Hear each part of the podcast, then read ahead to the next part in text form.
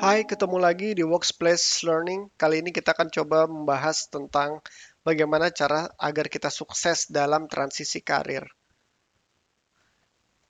Bahan diskusi kita berkaitan dengan uh, mengapa transisi karir itu penting, kemudian apakah pola pikir saja cukup untuk membuat kita sukses ketika kita berlakukan transisi karir, Lalu bagaimana membangun outside atau melihat lebih jelas keluar apa yang terjadi di luar sana dan bagaimana kita bisa mendefinisikan kembali pekerjaan kita, menghindari competitive trap dan mengembangkan network. Kita juga akan membahas bagaimana mengembangkan kemampuan transisi supaya menjadi lebih baik. Kenapa transisi karir itu penting?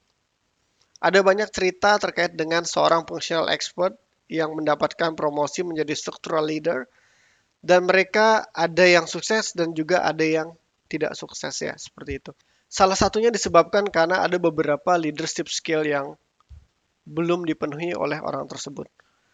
Dan menjadi strong structural leader itu tidak hanya Anda ahli di suatu bidang, lebih baik lagi bagaimana Anda bisa berpikir lebih strategik, bagaimana Anda mempunyai visi dan misi, bagaimana Anda bisa mempredik sesuatu itu menjadi salah satu skill yang sangat dibutuhkan ketika Anda menjadi seorang structural leader.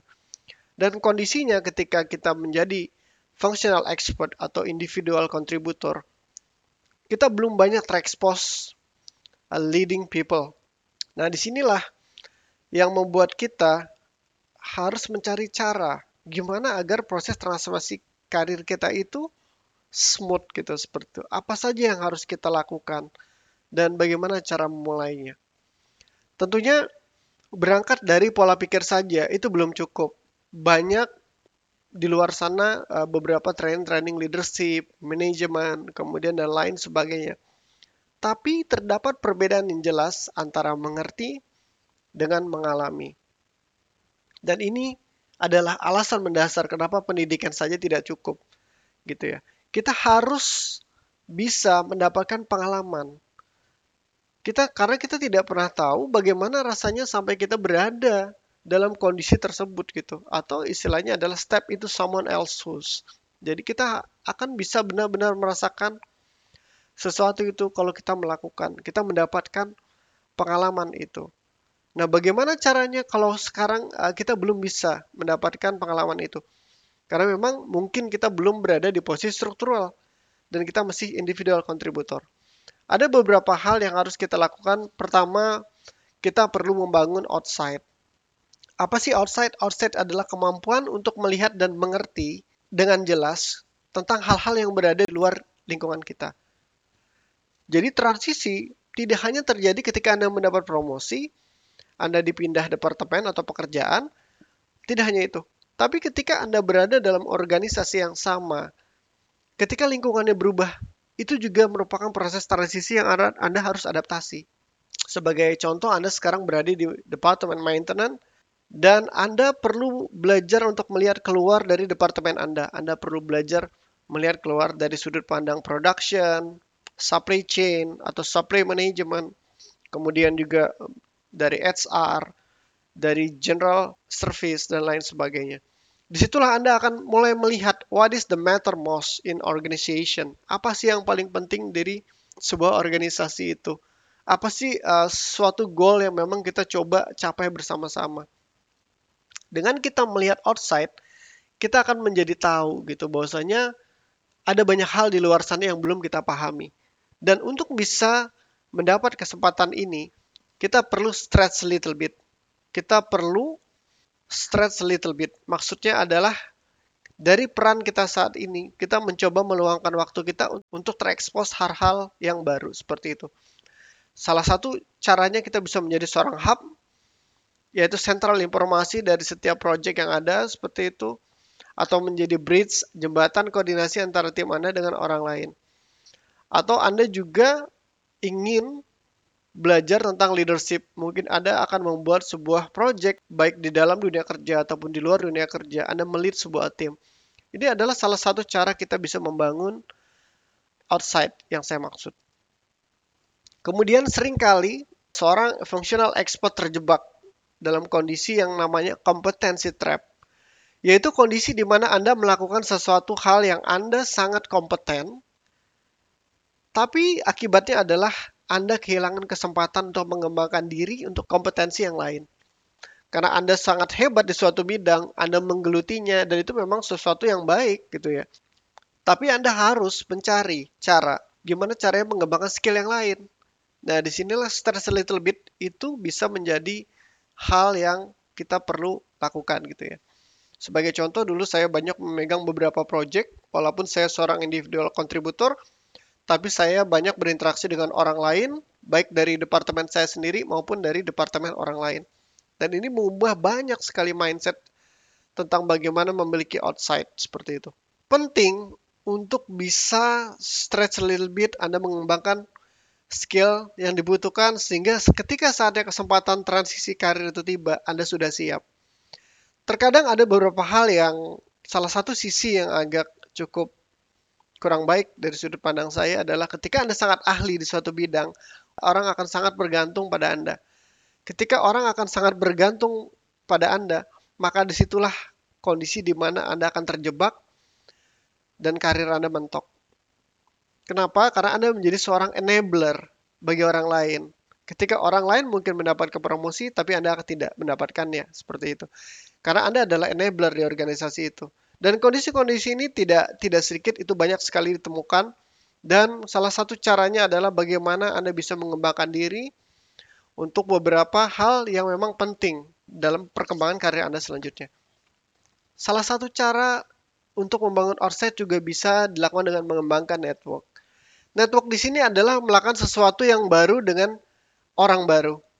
Jadi berbeda sekali uh, bidangnya dari yang Anda miliki sekarang dan Anda perlu melakukan network up and horizontal. Artinya adalah bisa jadi Anda network atau mentorship dengan orang yang lebih senior di beda departemen dan Anda berinteraksi dengan komunitas yang lain seperti itu. Ketika misalnya Anda berada dalam suatu komunitas mungkin Anda adalah seorang uh, maintenance engineer tentu yang yang tidak diharapkan adalah juga join ke suatu komunitas maintenance this is completely memang sama ya gitu. Jadi proses learningnya adalah mungkin Anda bisa join ke beberapa grup yang berbeda sekali dengan grup saat ini. Apakah Anda ingin join ke supply chain anda join ke continuous improvement, Anda join ke production, seperti itu. Yang membicarakan banyak hal yang berbeda sehingga Anda mendapatkan tambahan wawasan yang ingin Anda bangun seperti itu.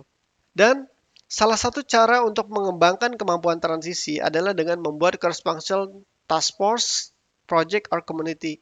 Jadi anda mungkin tidak harus selalu ada dalam dunia pekerjaan, Anda bisa melakukannya uh, di luar seperti organisasi non-profit atau mungkin Anda volunteer gitu ya dan Anda berinteraksi dengan orang yang memang berlatar belakang berbeda dan bidangnya juga beda, profilnya beda, sehingga Anda mencoba memahami siapa dan bagaimana mereka terhubung satu sama lainnya. Di sini sangat penting sekali untuk memahami ini, untuk memahami motivasi dari setiap orang.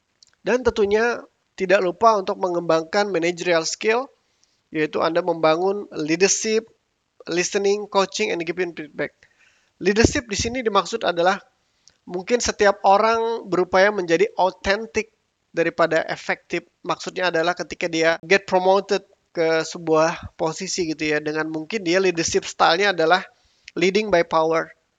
Tapi tidak semua orang bisa leading by power kan seperti itu. Ada mungkin ada beberapa organisasi ketika dia mencoba leading by power, followernya nggak bisa catch up, tidak bisa mengikuti. Kenapa? Kreativitasnya tidak ada gitu. Dan ini yang mungkin uh, kurang begitu baik ya untuk perkembangan organisasi. Kemudian kemampuan untuk mendengar dan coaching. Ini menjadi suatu hal yang tidak terpisahkan. Ketika Anda melakukan coaching, secara uh, best practice, perbandingannya adalah 10 banding 1. 10 Anda banyak mendengarkan, dan satu mungkin Anda memberikan pertanyaan atau komentar. Jadi lebih banyak mendengar. Jadi ada alasan kenapa kita punya dua telinga dan punya satu mulut ya gitu. Itu sangat berkorelasi sekali dengan itu.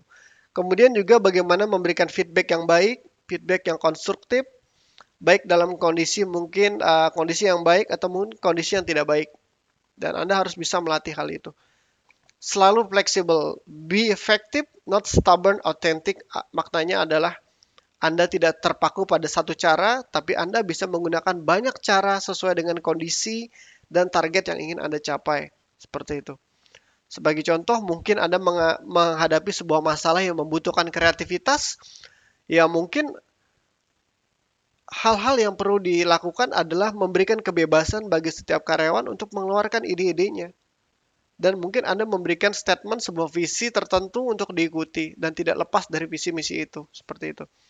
Daripada Anda melakukan micromanaging gitu ya uh, Anda melakukan uh, leading above hour followernya tidak akan bisa optimal dalam melakukan brainstorming dan lain sebagainya. Kenapa? Karena semua tampak salah seperti itu. Seorang leader juga perlu memahami hal ini kemudian kesimpulannya adalah dari diskusi kita kali ini pengalaman merupakan kunci sukses untuk transisi karir anda harus juga punya kemampuan untuk mengalami tadi, pernah melakukannya gitu ya. Jadi doing things differently dari sekarang Anda harus bisa stretch out. Kemudian Anda akan coba hal-hal baru gitu ya untuk membangun skill yang tadi saya sebutkan. Kemudian berinteraksi dan terhubung dengan banyak orang yang bervariasi latar belakangnya, profilnya, motivasinya gitu. Dari situ Anda bisa mencoba melihat gitu ya. Uh, ketika Anda melakukan transisi karir dari individual contributor menjadi people manager atau dari functional expert menjadi structural leader, itu akan lebih smooth dari sebelumnya karena Anda sudah persiapkan hal itu dari jauh. Kemudian never stop learning to improve yourself itu adalah harga matinya gitu ya, harga yang harus Anda bayar karena dalam kesehariannya orang yang banyak membaca, banyak menerapkan sesuatu dan banyak mengajarkan sesuatu cenderung akan lebih better daripada orang yang tidak melakukannya. Karena di situlah kemampuan kita akan terlihat gitu ya. Dan itu saja dari saya. Terima kasih banyak dan kita akan ketemu lagi di, di lain kesempatan